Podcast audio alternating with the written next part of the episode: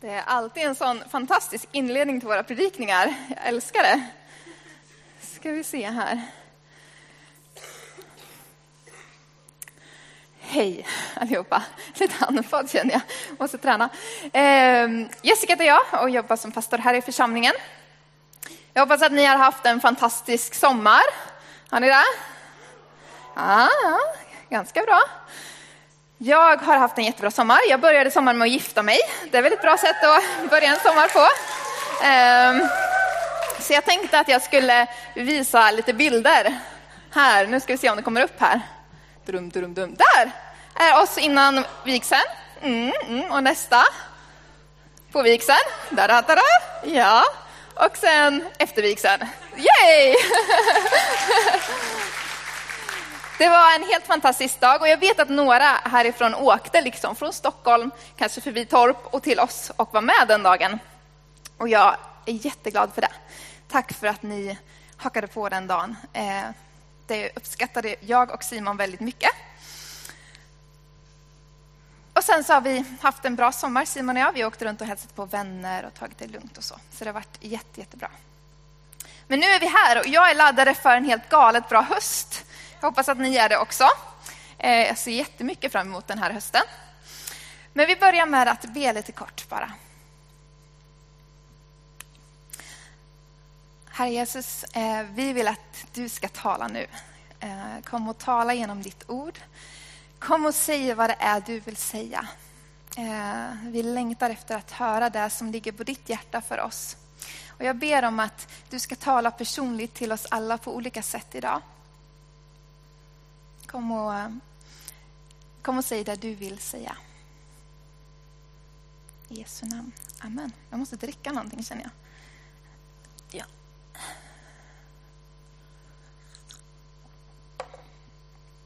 Okej. Okay. Ett bibelord som eh, inte används på bröllop så ofta, men som skulle kunna göra det, det är vår minnesvers som vi har här i församlingen.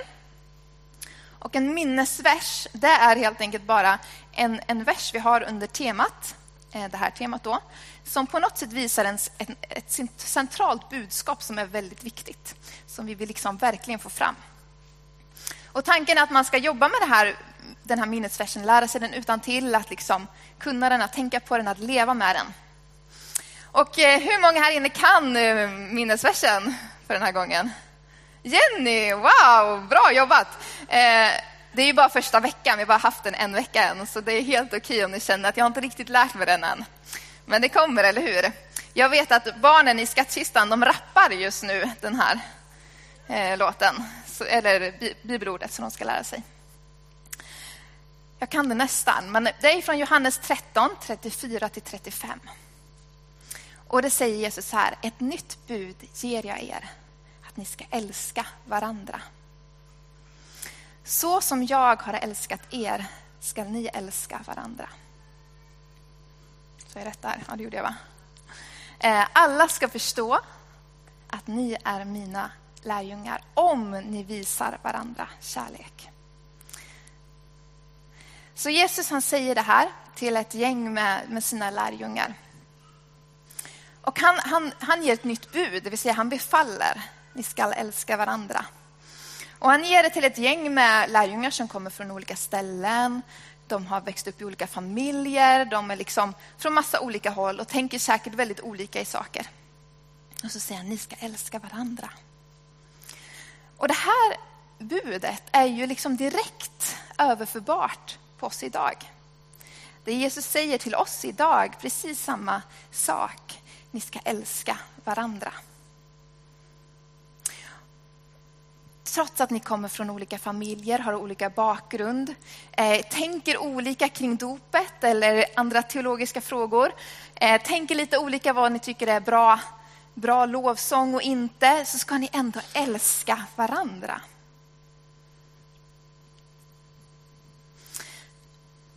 Och det här är ju lite, just ordet älska är ju lite jobbigt, för då fattar vi att det är inte bara det här att liksom säga hej till varandra då och då eller att ha en liten distanserad, kylig relation till varandra där vi liksom så här, ja ja. Eh, utan älska är någonting mer. Det är lite så här skaver lite, eller hur? Och det är nästan som att Jesus här befaller gemenskap. Han säger ni ska ha gemenskap. Och ni ska älska varandra. Och jag undrar lite så här, har inte Jesus sett på några Disney-filmer alls i sina dagar? Jag har ju lärt mig i alla Disney-filmer att man måste följa hjärtat. Och det är ju hjärtat som bestämmer om man ska älska någon eller inte. Det är ingenting jag kan styra över vem jag älskar, eller hur? Det går ju inte. Det bara händer så där plötsligt. Eller hur? Fattar inte riktigt. Men han verkar inte riktigt bry sig om några Disneyfilmer utan han säger ni ska älska varandra. Ja, okej. Okay. Och så säger han, ja, men med samma slags kärlek. Så som jag har älskat er, så ska ni älska varandra. Och då blir det ju liksom ännu värre. För inte nog med att man ska älska varandra lite så här småsjälviskt som vi ofta gör, liksom, utan det är verkligen med så här galet självutgivande kärlek som vi ska älska varandra. Det är liksom den här slags kärlek. Jesus var Gud, men han kom ner till jorden för vår skull och blev människa. Och han vandrade på jorden tillsammans med oss och han dog på ett kors för att vi skulle kunna få befria från all vår synd, allt det vi har gjort fel. Vi skulle kunna få förlåtelse för evigheten. Han dog en skamfull död för att vi skulle kunna bli av med all vår skam. Han besegrade döden för att vi inte skulle behöva vara rädda mer. Och han gav oss ett evigt liv. Det är liksom den slags kärlek som vi ska älska varandra med. Att vi ska kunna göra så för andra. Och är det liksom rimligt? Är det rimligt att jag ska älska den som jag står bredvid i fikakön med liksom samma slags kärlek som Jesus älskade världen? Det känns lite på gränsen till too much. Liksom. Eh, men det verkar ändå som att han, han, liksom, han, han säger det här. Men vad händer om jag inte har några känslor? Alltså jag känner inte att jag älskar församlingen. Jag känner inte att jag älskar de här människorna som jag, som jag är tillsammans med i vardagen, som jag träffar i min hemgrupp.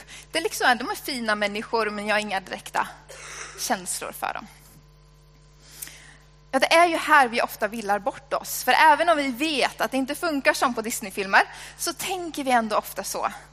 Att liksom, jag ska komma till ett sammanhang, en hemgrupp eller en församling och sen ska det bara kännas ni vet, sådär rätt. Och sen ska liksom alla bara tycka och tänka som jag ungefär och alla ska liksom ha lite samma, tycka om samma musik som jag. Det ska liksom vara en sån där perfekt församling. Eller en perfekt hemgrupp. För att jag ska liksom våga känna och älska. Men tyvärr så finns det ingen perfekt församling och det finns ingen perfekt hemgrupp heller. Och precis som man inte liksom kan hitta en perfekt man eller kvinna att gifta sig med eh, så, så finns det inte heller en perfekt församling. Även om Simon, min man, är ju såklart nästan perfekt. Jag vill bara säga det, så att ni vet det. Men, men, eh, men det finns liksom ingen perfekt församling.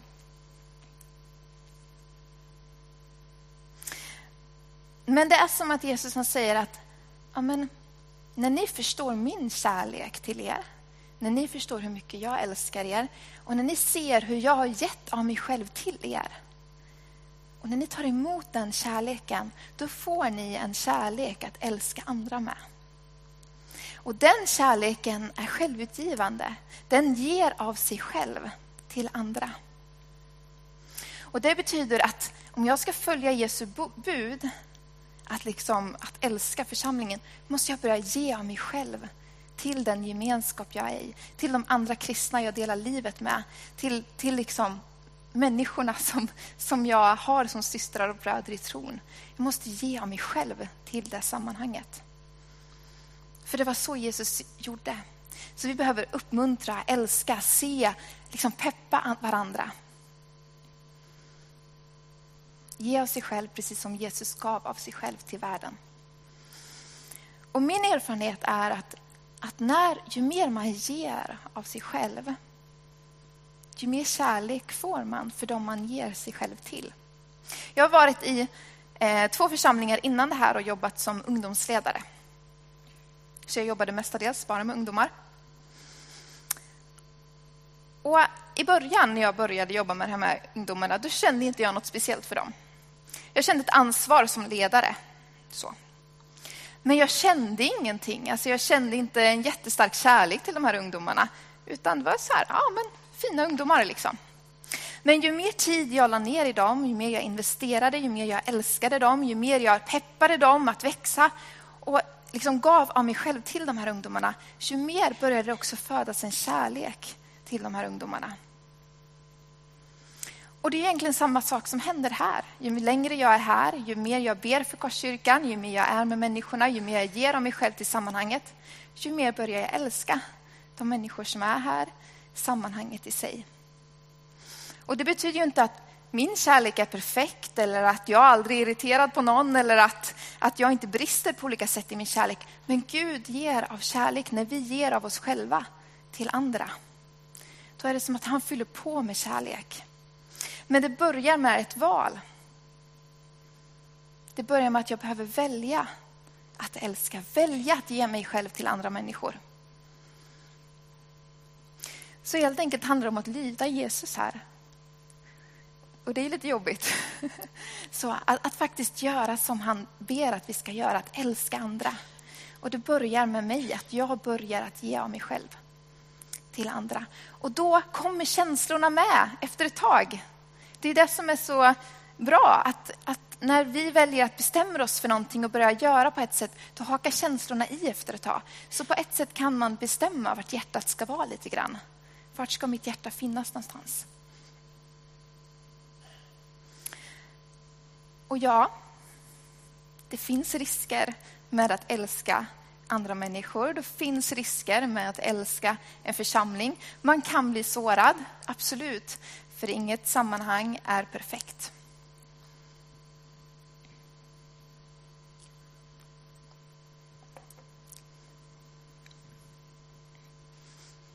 Inget sammanhang är perfekt. Men det är ju det att när båda älskar varandra så kommer man ju försöka försonas. Man kommer försöka hitta tillbaka till varandra. Och ja, det är lite jobbigt att vara i en församling, för man får inte sin vilja igenom alltid. Det blir inte alltid precis som jag önskar, hur mycket jag än liksom vill. Eh, för att församling är ingen enmansshow. Det handlar om en gemenskap, det handlar om att vara tillsammans. Så ja, det finns risker. Men ändå är det som att Jesus säger att det här är så viktigt. Ni behöver älska varandra. Och så säger han att om ni gör det, då ska andra förstå att ni är mina lärjungar. Om ni gör det, det betyder att vi har ett val. Och Jesus ber oss att välja att älska, precis som han har älskat oss. Men räcker det inte då med att jag och min kristna vän Tore, liksom, vi två läser Bibeln lite grann tillsammans då och då och så ses vi och så kan jag strunta i liksom den här stora kristna gemenskapen. Varför ska jag vara en sån för? Det räcker väl med jag och min vän liksom. Ja, det kan man ju undra över. Och det handlar ju om vad är församling egentligen? Varför samlas vi tillsammans, flera stycken, och liksom upphöjer Gud och lyssna till Guds ord och så vidare. Varför gör vi det? Det har att göra med vad församling är. Och det, vi ska gå in i en text i första Petrus 2 och 4 till 10. Och jag kommer att liksom röra mig lite i texten först och sen så kommer jag gå vidare i texten. Och där kommer vi få klura på vad är församling. Så jag börjar med att läsa 4 till 8 i kapitel 2 i första Petrusbrevet. När ni kommer till honom, den levande stenen, ratad av människor men utvald av Gud och ärad av honom, då blir också ni till levande stenar i ett andligt husbygge. Ni blir ett heligt prästerskap och kan frambära andliga offer som Gud vill ta emot tack vare Jesus Kristus. Det står ju i skriften, se, på Sion lägger jag en hörnsten, utvald och ärad. Den som tror på den ska inte stå där med skam. Äran tillfaller alltså er som tror. Men för dem som inte tror har stenen som husbyggarna ratade blivit en hörnsten, en sten som de snavar på, en klippa som de stöter emot. De stöter emot därför att de inte lyder ordet. Så är det förutbestämt för dem.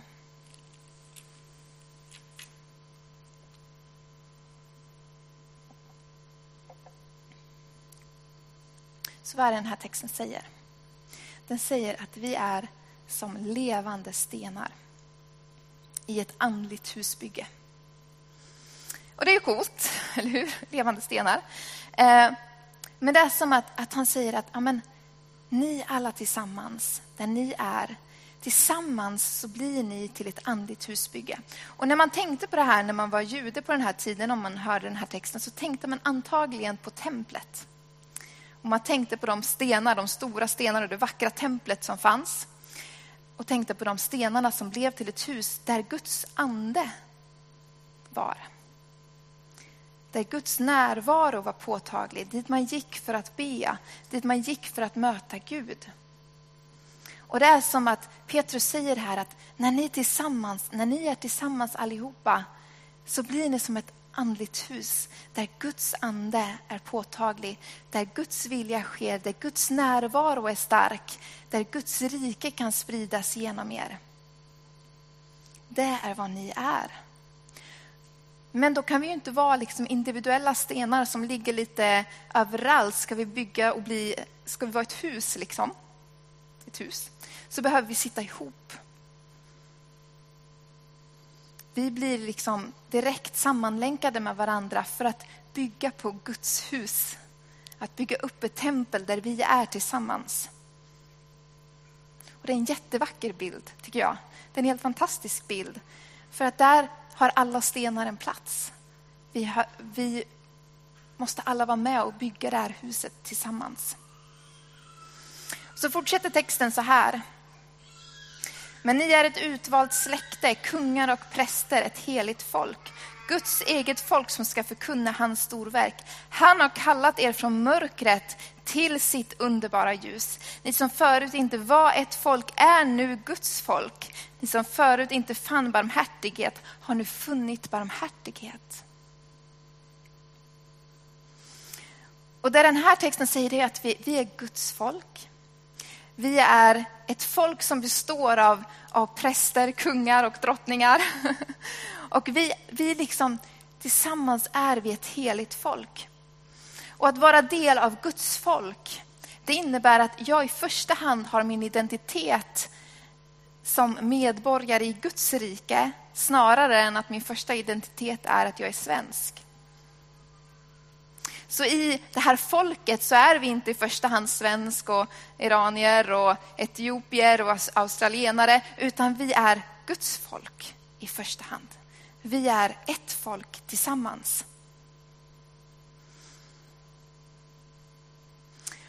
Och i, i himmelriket, i Guds rike, så finns det ingenting som heter att det inte får plats.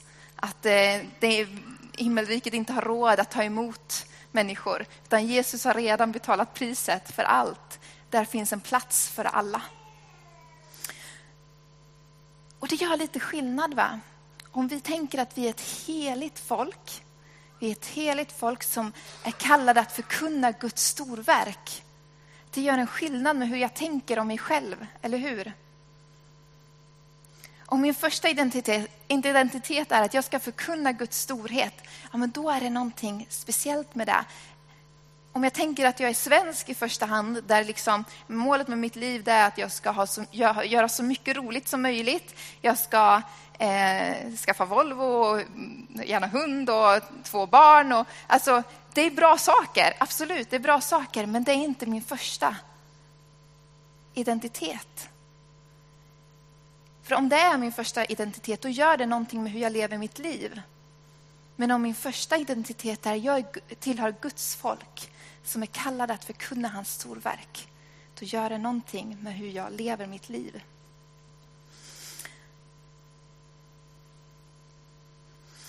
Mm.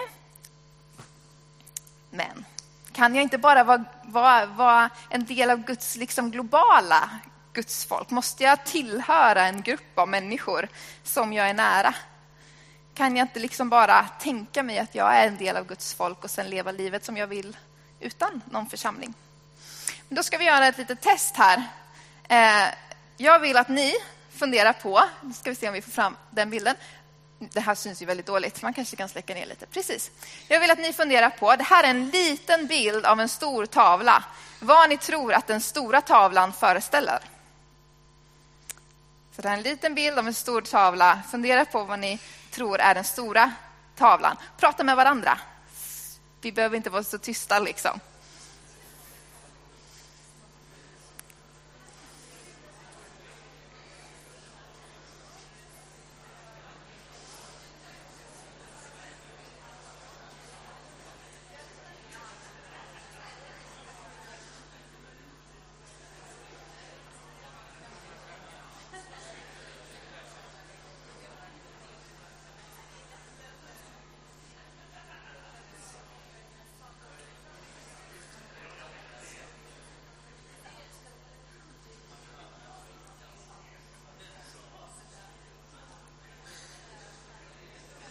Ja, det tänker jag att nu måste ni ha kommit på det. Okej, någon som vill gissa?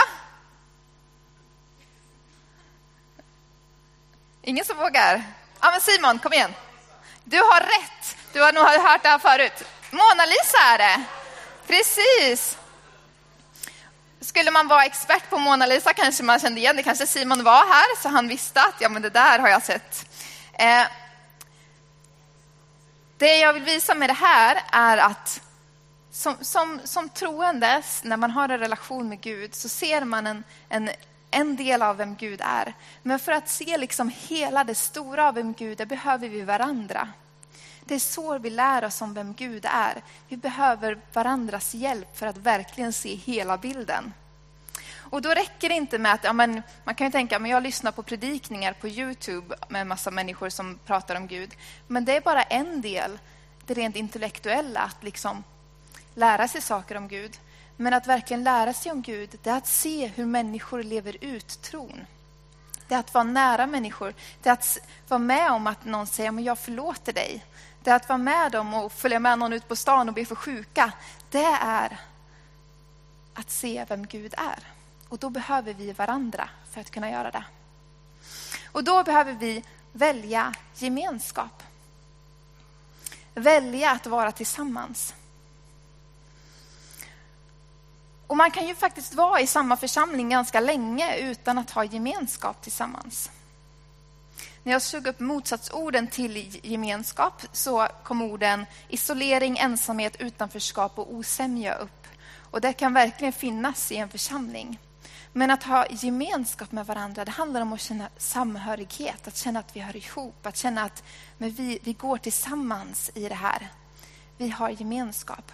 Och det är ju inte bara mitt ansvar, eller Rickards ansvar, eller församlingsledningens ansvar, eller skattkisteledarnas ansvar, eller välkomstteamets ansvar. Det är allas vårt ansvar att skapa gemenskap. Att se varandra, att ge av oss själva till varandra, att peppa varandra, att uppmuntra varandra. Det är så vi skapar en god gemenskap. Att vi satsar på varandra. Vi satsar på varandra. Och jag skulle säga så här att ja, det här är inte bästa kyrkan i stan. Va? Vad menar du? Det här är inte bästa kyrkan i stan. Det är troligtvis kanske inte, om, om man nu kan säga att det finns någonting som heter bästa kyrkan, det är ju tveksamt. Men, men om man kan det så är det troligtvis inte det. Det är kanske inte heller den varmaste eller den mest strukturerade eller den som har bäst fika, även om vi har väldigt bra fika. Eh, men om om du väljer den här församlingen och väljer att satsa på den, att investera tid i de här människorna och väljer att ge av dig själv till det här sammanhanget, då kommer den bli den bästa församlingen för dig. För att du kommer börja älska det här sammanhanget och de här människorna. Och oavsett vilken församling du väljer så kommer det bli samma sak om du väljer att ge av dig själv till det sammanhanget.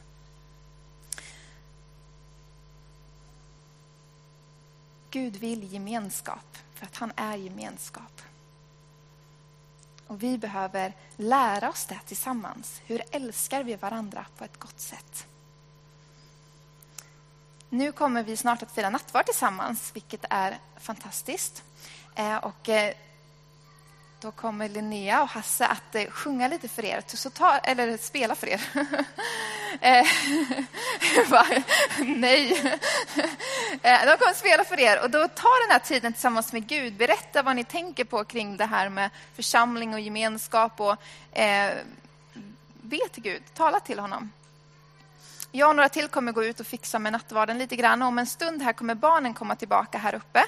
Eh, vi målar hörnan där uppe, så som förälder får du gärna gå och hämta dem. Så får du som förälder ansvara för om barnet har nattvard eller inte. Vi ber tillsammans. Herre Jesus, tack för den kärlek som du har visat oss. Hjälp oss att se den ännu tydligare. Hjälp oss att börja ana ännu mer vad det är som du har gjort för oss som, så att vi kan bli mer, mer och mer fyllda av din kärlek. Men hjälp oss också Gud att våga eh, ge av oss själva, våga älska människor omkring oss, våga liksom sträcka ut en hand och, eh, och se andra. Herre Jesus, ibland behöver vi bara mod ifrån dig för att våga göra saker. Eh, och lär oss Gud. Jag ber om att du ska lära oss i den här församlingen att älska varandra på ett gott sätt. I Jesu namn. Amen.